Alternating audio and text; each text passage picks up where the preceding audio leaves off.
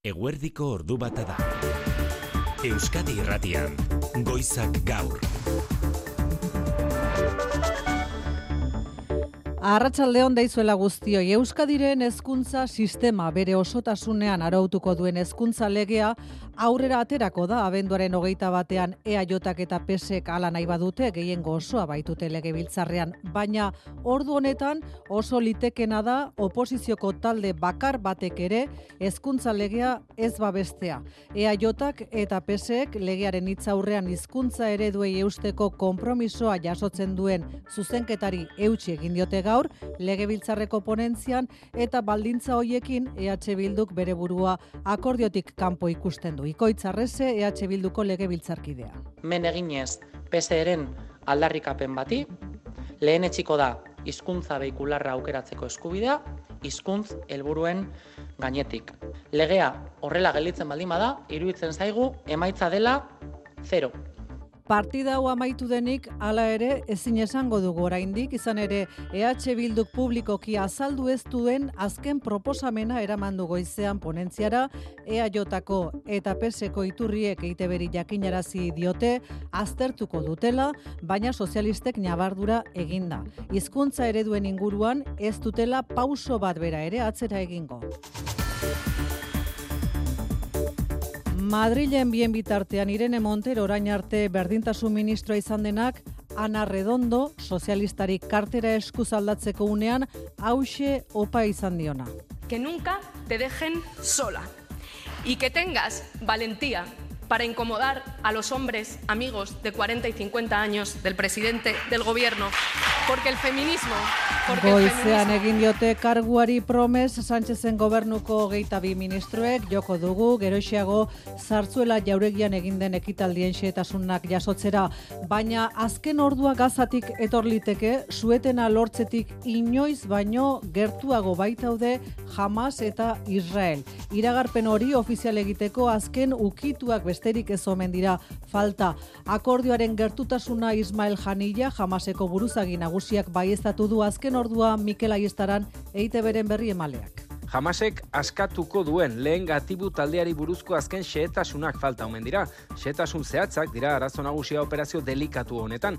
Jamasek esan du zerrenda bat eskaineko duela baina horren truke Israelen preso dauden emakume eta adingabe palestinarrak aldi berean askatzea nahi dute. Ikusi egin behar da nola gauzatzen den akordioa islamiste gutxienez bost eguneko suetera nahi dute eta Rafah irekita mantentzea exigitu dute laguntza humanitarioa sartzeko eta zaurituak atzerrera bakuatzeko. Israelek oraindik ez du ez esan.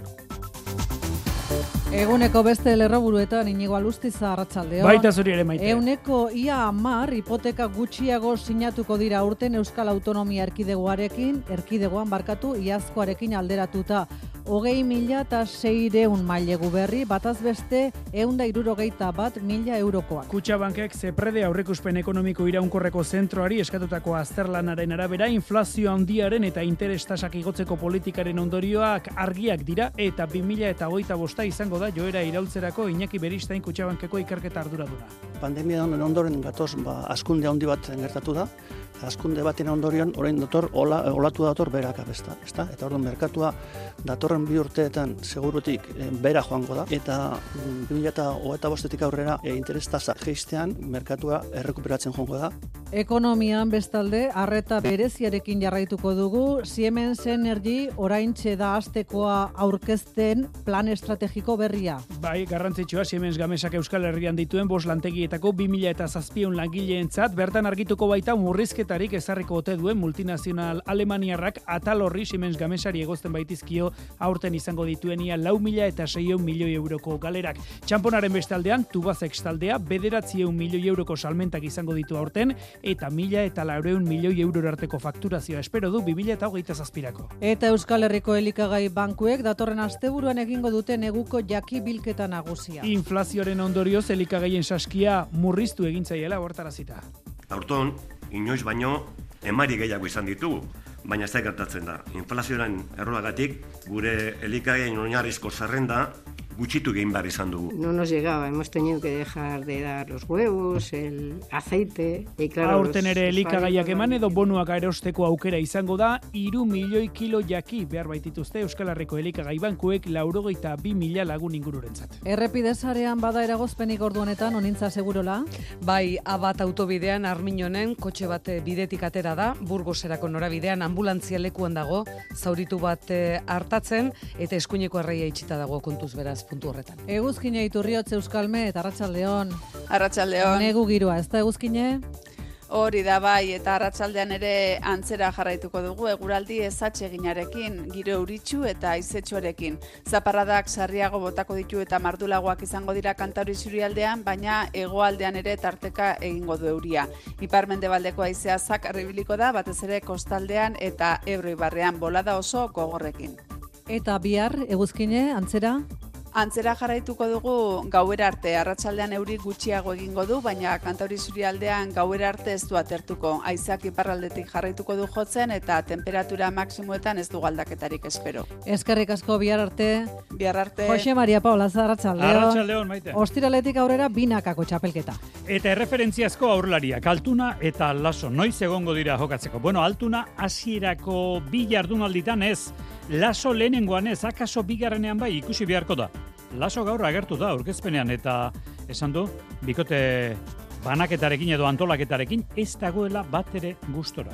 Berak aranguren izango du atzelari. Iazko txapeldunak elordi eta zabaleta izan ziren. Elordi orain resustarekin hariko da eta zabaleta peio etxeberriarekin. Denek denen kontra, playoffak, final aurrekotako ligaeska, finala Navarra arenan 2000 eta hogeita lauko martxoaren hogeita amaikan. Nazioarteko futbolean aipatu dautzi nahi dugu, Italiak oraingoan bai, oraingoan eman duela urratsa Eurokoparako, berak, Esloveniak eta Txekiar Republikak, eta gaurko ekitaldien artean, eskubaloia dugu Zumaian eta areto futbola Ibarran. Manu etxe sortu arratsaldeon. Kaixo maite. Behasain goigokunde parrokian mendeetan ezkutuan egon den altxor bat bistaratu eginda amaseigarren mendean berpizkundeko horma irudi bada. Bai, behasaingo parrokian berpizkunde garaiko artea topatzea ezusteko edo kasualitatea izan da. Elizako erretaularen pieza txiki bat erori gintzen orain dela bi urte eta erretaula zahar berritzen hasi zirenean erretaularen atzean mila bosteunda berrogei tamabosgarren urteko horma margo originalak topatu zituzten presbiterioan. Juan Pérez de Landa artistaren lana berpizkunde garaiko altxorra gipuzkoan bakarra. Maite Fernandez arte zartelanak zahar berritzen dituen enpresakoa. balioa dute kristona, bueno, ezin da zenbatu, ze ez dira geratzen olakoak. Pentsatu behar dugu errenazimendu garaian Elisa guztiak zerela margotuta, honen moduan, baina gero, ba, bueno, e, urten poderioz, moda aldaketak eta bar, e, margo guzti horiek e, galdu egin dira. Aurkikuntzaren aurkezpena goizean egin dute eta gurekin espero dugu ordu batak eta hogeita bostaldera Mari Jose Telleria Gipuzkoako aldundiko kultura zuzendaria. Ordu bata eta zortzi dira Mikel Retegi eta Xabi Iraola teknikan eta errealizazioan. Euskadi Irratian. Goizak gaur.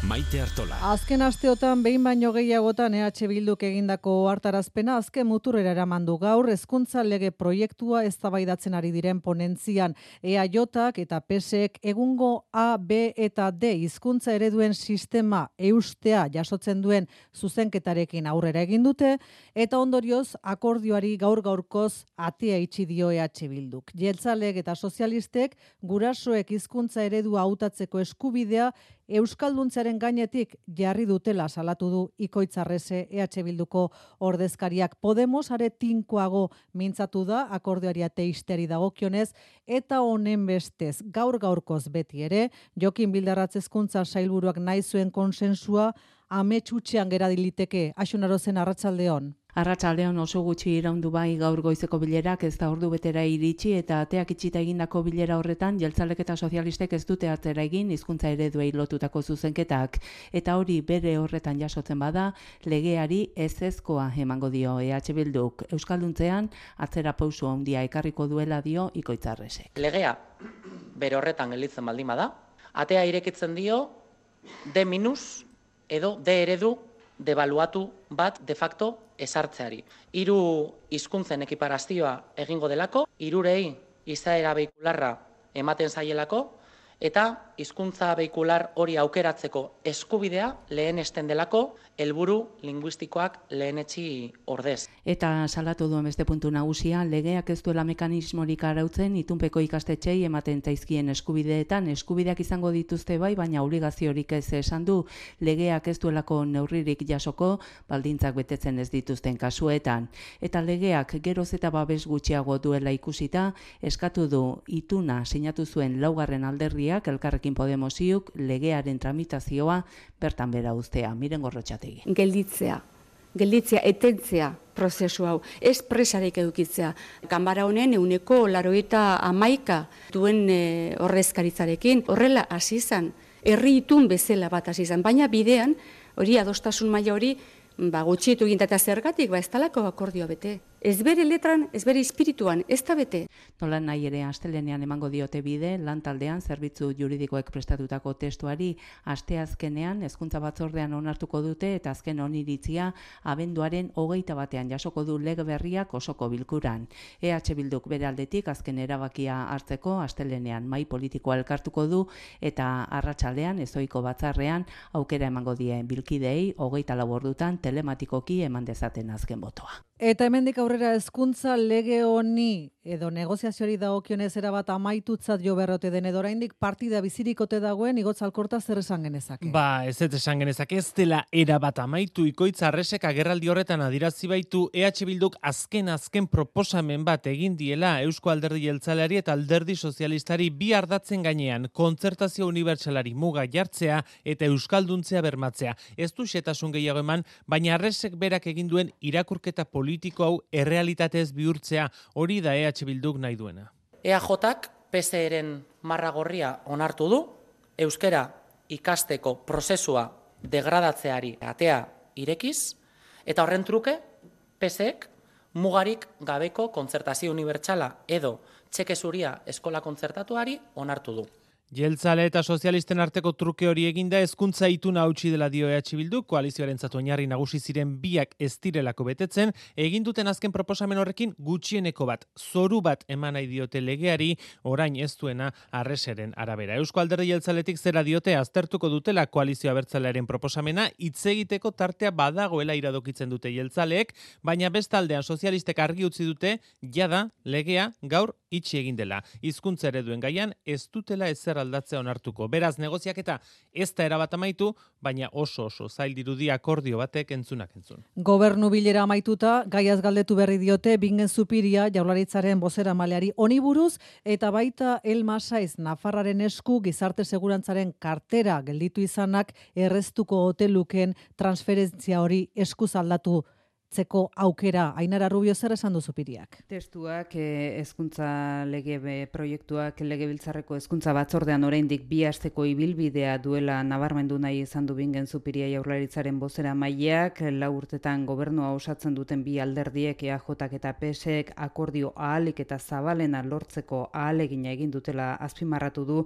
Gogoratuz gainera hizkuntza ereduez arago beste elementu asko jorratu direla beste bi aste daude eta beste bi aste dituzte legebiltzarrean ordezkaritza duten alderdi politikoek oraindik ere gehiago sakontzeko okordio hoietan. Espainiako gobernu osaketaz berriz aitortu du Elma Saiz gizarte segurantza ministro berriak Nafarroako amejoramendua eta kontzertu ekonomikoa ondo ezagutzen dituela, horrek lagunduko liokela gauzak beste ikuspuntu batetik aztertzen eta lantzen, baina adostu diren konpromisoak pertsonen gainetik daudela azpimarratu berri du. Ba hori xebingen zupiriari gobernu bilera ostean galdera eginda erantzun duena, bide batez Elma Saiz, Nafarra, gizarte segurantzaren kartera eskutan hartu berrita, esan, duna, esan duena da, kutsa bakarra ez dela hautsiko. Madrilen zaurtzuela jauregian Felipe Seigarrena eta Pedro Sánchez gobernuko presidentaren aurrean egin diote euren karguari promes, hogeita bi ministroek, aurretik karga politiko hondiko lege aldia dutela jakinaren gainean izan da. Prometo, por mi conciencia y honor, cumplir fielmente y guardar y hacer guardar la Constitución como norma fundamental del Estado. Así como mantener el secreto de las deliberaciones del Consejo de Ministros. Berrien artean Elmasaiz Nafarra, edota Ana Redondo, Irene Montero berdintasun orain arteko berdintasun ministroaren ordez. Irene Monterok kargua eskuzaldatzeko ekitaldi hori baliatu du Mikel Arregi Pedro Sánchezek deseroso zaion ezkerra gobernutik bota duela salatzeko arratsaldeon. Kaixo arratsaldeon eguneko lehen orduan zartzuelan Felipe Seigarrenaren aurrean karguari zina egin eta gero gobernuko ministro berrieko ibezala sail aldaketa ekitaldiak izan dituzte goizean zehar gobernutik irten diren ministroek euren ondorengoei ministro zorroak eman dizkiete haien artean Irene Montero berdintasun ministroiak lekukoa eman dio Ana Redondo ministro berriari eta eskualdatze aurretik Monterok Redondori esan dio. Que nunca te dejen sola y que tengas valentía para incomodar jokatzeko aldarri feministengatik Pedro Sánchezen berrogei eta berrogeita urteko lagunak deseroso sentitzen jarrai dezaten. Monterok gaineratu du hitza emandakoa betetzeagatik Sánchezek Podemoseko ministroak gobernutik kanporatu dituela. Eta beste harreta puntua gaur Justizia Ministerioan izan da. Felix Bolañosek ministro zorroa jaso du Pilar Jopen eskutik. Amnistia hitza aipatu gabe Bolañosek gaur Todo lo que tenga que hacer lo haré con diálogo. Ministro moduan dena egingo duela esan du elkarrizketaren bidetik lege barruan zubiak eraiki eta bizikidetzaren alde akordiotara iristeko babien bitartean kongresuko maiak letratuen oniritziaz amnistia legea tramitera onartu du gaur eta auzitegi nazionalean aldiz García Castellón epaileak Carla Espusdemon eta Marta Rovira Tsunami Demokratik auziagatik ikertzeko baimena eskatu dio auzitegi gorenari. Bagai honen arira apunte bat, Iruñan egin zuten bezalaxe Bilbon ere epaile talde batek protesta egingo duela amnistia lege proiektuaren aurka eta zehatzago lawfare edota politikaren judizializazioaren salaketaren aurka. Etzi eguerdirako deitu dituzte protestara justiziako profesionalak hitzezitz independentzia judizialaren alde. Sozialistek eta Junsek investidurarako sinetu duten akordioak botere banaketa urratzen duela iritzita, deitzaileen artean ageri dira,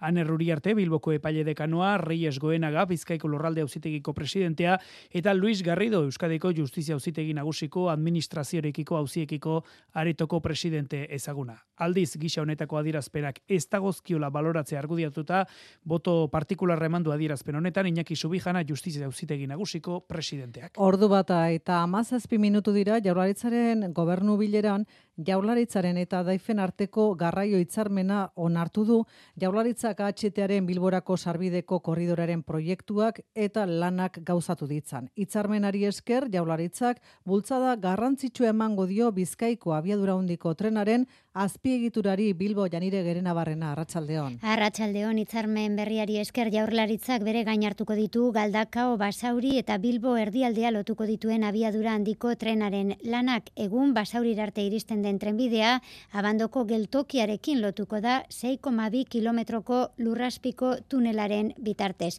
Jaurlaritzaren aurre ikuspenen arabera lanak 2026an hasi eta 2028 amairur arte ez dira bukatuko. Hitzarmenak aurrera pausu garrantzitsua Dakar Iñaki Arriola garraio sailburuaren hitzetan AHTaren Bizkaiko azpiegituran epeak askartzeko borondate argia erakusten duelako. Aurrera pasu garrantzitsua garrantzitsua da hau eta gure borondate argia adierazten du. Aldi berean, teknikoki gaitasunak ditugula argi geratzen da. Kudeaketa agindu hau oso albiste ona da Euskadiren abiadura handiko trenari bultzada bat emateko. Jaurlaritzak bere gain hartuko dituen lanek berreundo hogeita sei milioi euroko aurrekontua izango dute, horietatik bost koma bi milioi eraikuntza proiektuak idaztera bideratuko dira. Aurreko hitzarmenetan ez bezala, oraingoan obra ez da kupoaren bidez finantzatuko, baizik eta hiru hilero egingo diren ordainketen bidez. Goizak gaur. Etxe bizitza sektorean euneko ia amar hipoteka gutxiago sinatuko dira aurten Euskal Autonomia Erkidegoan iazko EP berarekin alderatuta. Hogei mila eta seireun mailegu berri, bataz beste eun dairuro mila eurokoak, kutsabankek eta zeprede aurrikuspen ekonomiko iraunkorreko zentroari eskatutako azterlanaren arabera, inflazio haundiaren eta interestasak igotzeko politikaren ondorioak argiak dira. 2000 eta hogeita bosta etorriko da joera hori iraultzerako urtzigartzia. Estatuan bataz beste hipotekak, eh, hipoteka kopuruak euneko amaika egingo du bera urten iasko datuekin alderatuta. Euskadin aldiz bilakera zertxoait hobea izango da, euneko bederatziko mazazpi hipotekak gutxiago sinatuko baitira. Hauze, Iñaki Beristain kutsabankeko ikerketa arduradunak emandako azalpena. Zio zaharrago esan, e, hipoteka edo etxeen bizitzen eskaera txikiagoa da. Hori alde batetik. Eta enpleguarena da beste arrazoi nagusia. Enplegu horrek esan nahi du gure jendeak ja badaukala e, etxearen akzesoak gehienak badute. Eta orduan e, demanda txikiago da. Hipokete, hipoteka kopuruak bere egin arren prezioak zertxo baita garestetu dire uneko 0,4 neurri baten inor gestuelako erositakoa baino merkeago saldu nahi, baina baita eskaintza publiko nahikorik ez dagoelako. Bataz beste hipotekak euskadin eunda irurogeita bat mila eurokoak dira, iru mila iruron dagoita mar milioiko zenbatera zenbatekoarekin. Estatuan aldiz merkeagoak eunda berrogeita iru mila eurokoak hain zuzen. Hemen terreno gutxiago dago, populazio konzentrazioa handiago dago, errenta errenta maila handiago da eta bueno, ba, eskaintza eta demandaren arabera ba, presioa garestiago da eta hemen etxeak garestiago direla hori ezaguna da, ez da. Hipoteka motari dagokionez, euneko irurogeita mistoak dira, euneko hogeita iru aldakorrak eta euneko bost finkoak, hogeita bost, hogeita zazpi urtera artekoak bataz beste, eta eskaitza, eskaitzaien adinari dagokionez, hogeita maus eta berrogei urte arteko personak interestasak apalduala, sinatutako hipoteka kopuruak gora egingo du, 2000 eta hogeita bostetik aurrera batez ere. Ordu bata eta hogei minutu ordu honetan Frankfurt, Frankfurtera begira gaude, arreta hundiz. We'll walk you through this, but obviously it's more about also focusing on the right markets Christian Brook, Siemens Energy multinazionaleko burua da. Siemens Energyren etorkizunerako bide horri argitu behar du urrengo minutu orduotan eta horrek zuzenean eragina izango du Ego Euskal Herrian ia iru mila langile dituen Siemens Gamesari Maialen Arratibel Arratsaldeon. Arratxaldeon bai ikusmina handia da jakiteko Siemens Energiren zuzendaritzak zer egingo duen azken urteotan. Galera handiak izan dituen gamesaren errentagarritasuna berreskuratzeko izan ere eolikoen negozio lerrotik etorri zaizkio urtebetean lau mila eta seireun milioi euroko galerak besteak beste arazo teknikoak izan dituztelako bost isa izeneko aerosorgailuarekin eta produkzioa ia etenda daukatelako.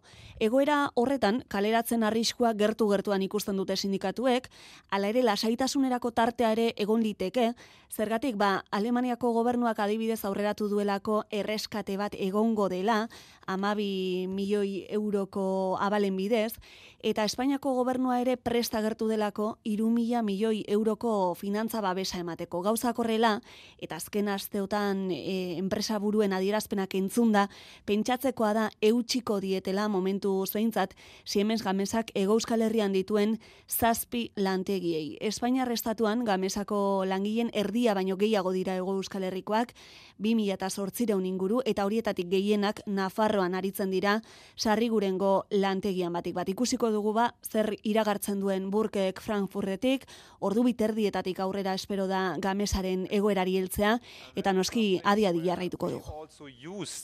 Back in October 22, Ea bagamesaren etorkizunaren inguruan zer esaten duen Siemens Energiko buruak. Txamponaren beste aldean, bien bitartean, inigo tubazex. Mila eta laureu milio euro arteko fakturazioa espero du, bi mila eta hogeita zazpira bitarte, eta ordurako inderraldi aurrekusita plan estrategikoa berrikusi egingo du. Berrikusi, tubazexek erronka berrien aldeko apustu egiteko, transizio energetikoan arreta jarrita, eta aldiz petrolioari eta gasari lorututako negozio tradizionalaren pixua pixkanaka murriztuta. Hain zuzen, negozio bide horretan pixo handia izango du deskarbonizazioaren divisioak eta epe luzera begira konpainiaren atalik garrantzitsuena izango da hori.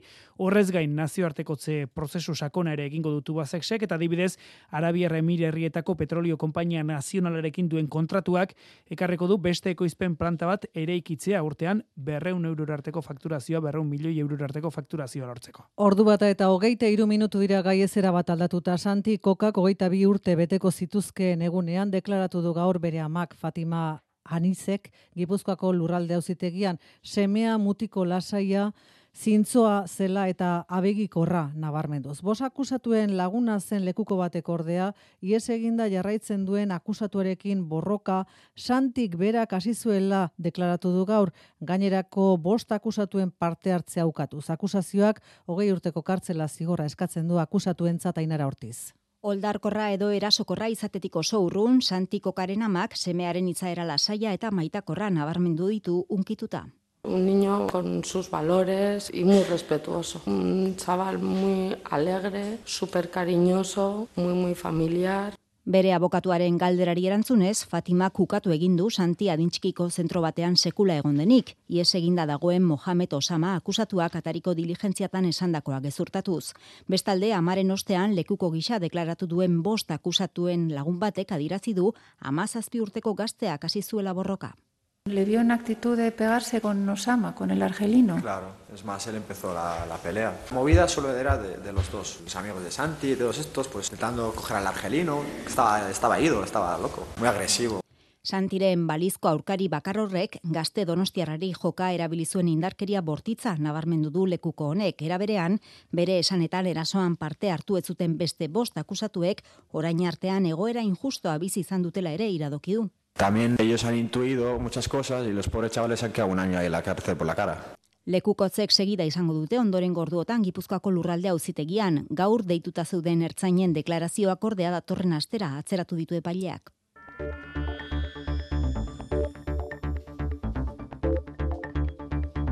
Eta sarreran agindu dizuegun bezala Mari Jose Telleria Gipuzkoako Aldundiko Kultura zuzendaria agurtu nahi genuke Telleria Andrea Arratsaldeon. Eguardeon, arratsaldeon. Bai, aipatu dugu sarrera, behasaingo igokunde parrokian mendetan izkutuan egin den altxorra nola biztaratu den, amaseigarren mendeko errenazimentu horma bat, esan beharko dugun aurreneko gauza da, kasualitateak izan duela zer esan handia, ezta? Bai, holan izan zen, mila togeta bisan hasi ginean bertan, bueno, ba, kutsatuta, edo, bueno, pipia eta zizase uala hor erretauluan, horren gainean, bez, mural hoien gainean zegoen erretauluan, eta horiek sarberritze lanak asterakoan, ba, orduan txe, ikusi izan eta konturatu ziran teknikarisak ba anatzian beste pintura hoiek zeuazela eta benetan ez uste ez uste politxa oraingo. Hain justu alderaren goiko zati osoa, ez da absidea deitzen den hori, ez da? Bobeda bai, hartzen zuela horma irudiak hor jabetu ziren. Gero pinturaz tapatuta zeudenak. Bai, justo, zera erretaulu horrekin tapatuta zeudena, ze, klaro, beste, e, tapatze erakuan, eta horren gainean egurrezkoa jartzerakuan, ez zuten biharrik izan ezer pintatzeko. Baina gero behin hori diskubri du edo, bueno, konturatu zirala antxe zegoazela, ba, beste kata batzukein, eta, aru, bueno, asaltzen da bueltan bebai, ba, be, badauzela bestelako pinturak, bere momentuan, ba, horren gaineti, horren gainean, ba, pintura zurixa edo, bueno, ba, bestelako dibujo baten geratu geratu zala. Gipuzkoan e, gaur daño iritsi den gisa honetako lanik esanguratsuena da behasaingo aurkikuntza hau? Ba, gaur izan garan prentza aurrekuan eta bertan egon den diran teknikari sako lan kontau, lan kontau, lan kontau dute. E, e, gainera e, dagoana, ba, sarrenetarikoa behintzat, olan konservatuta, esan bezala, ba, terretaulo horre horren azpizan egon danez, ba, zikina bai, ba, pentsau aldan moduan ez, boste urte hor hautza, hautza jasoten, baina bestela, bestelako ikuturik ez, ez daka. Eta gainera politxa bebai dokumentauta dagoalako. Bere bai. momentuan, enkarguain zanian, zera, e, badao kontratu hori, gordeta, gure artxibuetan, eta gero, ba, bueno, itxuria alako pleito bat edo izan zen, elizak ez balako ordaintzerik nahi, nahi izan, ba, lana ere guztokua esalakuan edo, eta horren bueltan, bai, badaoz, bueno, dokumenta, dokumentazioa, orduan, behin eta berriz, enkargoa itxerakuan, eta gero perituak edo, zera, en, juezak edo, ez dakinik zelan funtzionoko zeban orduan, bialtu, bialtze erakuan, ba, pintura horiek eta lanan emaitza zintzen ikustera joan ziralan, orduan txebe bai, dana idatzi, jaso, eta hmm. dokumentu horiek be, ba, badaude. Agiri horiek erakusten dute, bai, artista bai. Juan Pérez de Landa izan zela, artista. Nafarra, ez da? E, ze ikusi... Bai, baina, eta goinen, barkatu, eh? baina bai. gainera, gaur esan dabe, bere aurretik, be, be, horren aurretik indako beste pieza batzuk be bai, badauzela edo, beste margo batzu be bai badausela seguruenik askoz be zera sarragoak ez dirala eta segidan ingo ziran hoiek bestian bestien aurretik Esan nahi duzu, mila bosteun da berrogeita bai. horren aurretik ere egin da dela. Bai, bai, bai, hori da. Eta bertan ikus litezkenak, eh, kristoren pasioko bost estena, ez da?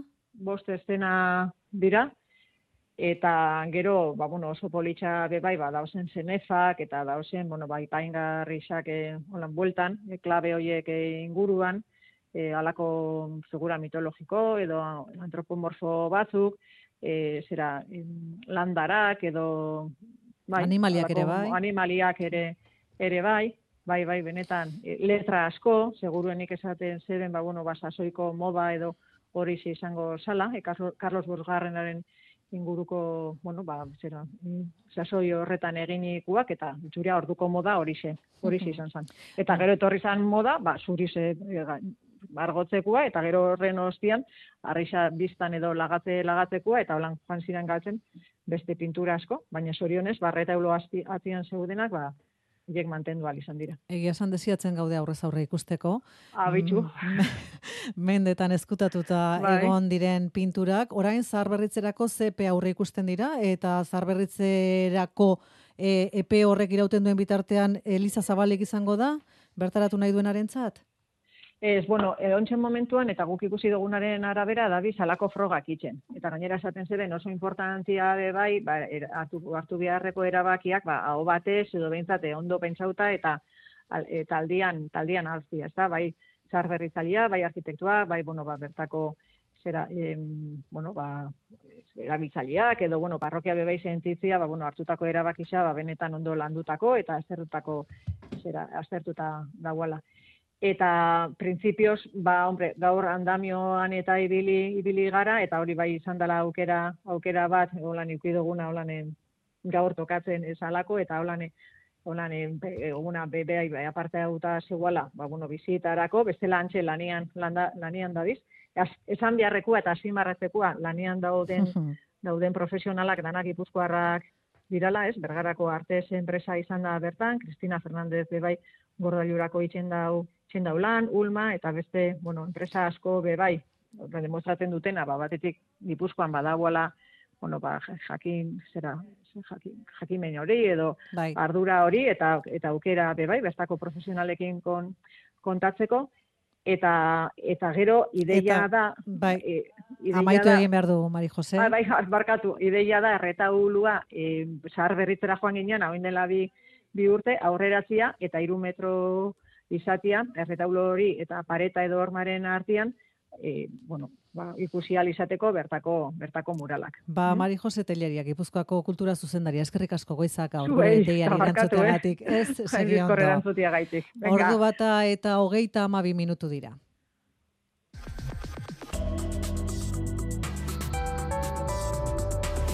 Euskadi irratian, eguraldia eta trafikoa. Azken orduko bat, e, Movistarren sarean izandako matxura batek eragina izan duelako hainbat erkidegoetako bat bat bi linean, erkidegoetako bat Nafarroa da, barne gaietarako departamentuak Euskadi Ratiari argitu dio ala ere, linea hori bere onera etorrita dagoela, ordu beteko matxura bat izan dela, eta ez duela gudakigula aparteko arazorik eragin. Eguraldiaren pronostikoa jarraian Euskalmeten eskutik. Arratsaldean eguraldi ezatseginarekin jarraituko dugu giro uritxu eta izetxorekin zaparradak sarriago botako ditu eta mardulagoak izango dira kantauri zurialdean, baina hegoaldean ere egingo du euria. Iparmende baldeko aizea zakar ibiliko da, batez ere kostaldean eta ebroi barrean, bolada oso gogorrekin. Eta bihar ere euria egingo du zaparradak botako ditu tarteka, bereziki kantauri izurialdean. Arratsaldean euri gutxiago egingo du, baina kantauri zurialdean gauer arte ez du atertuko. you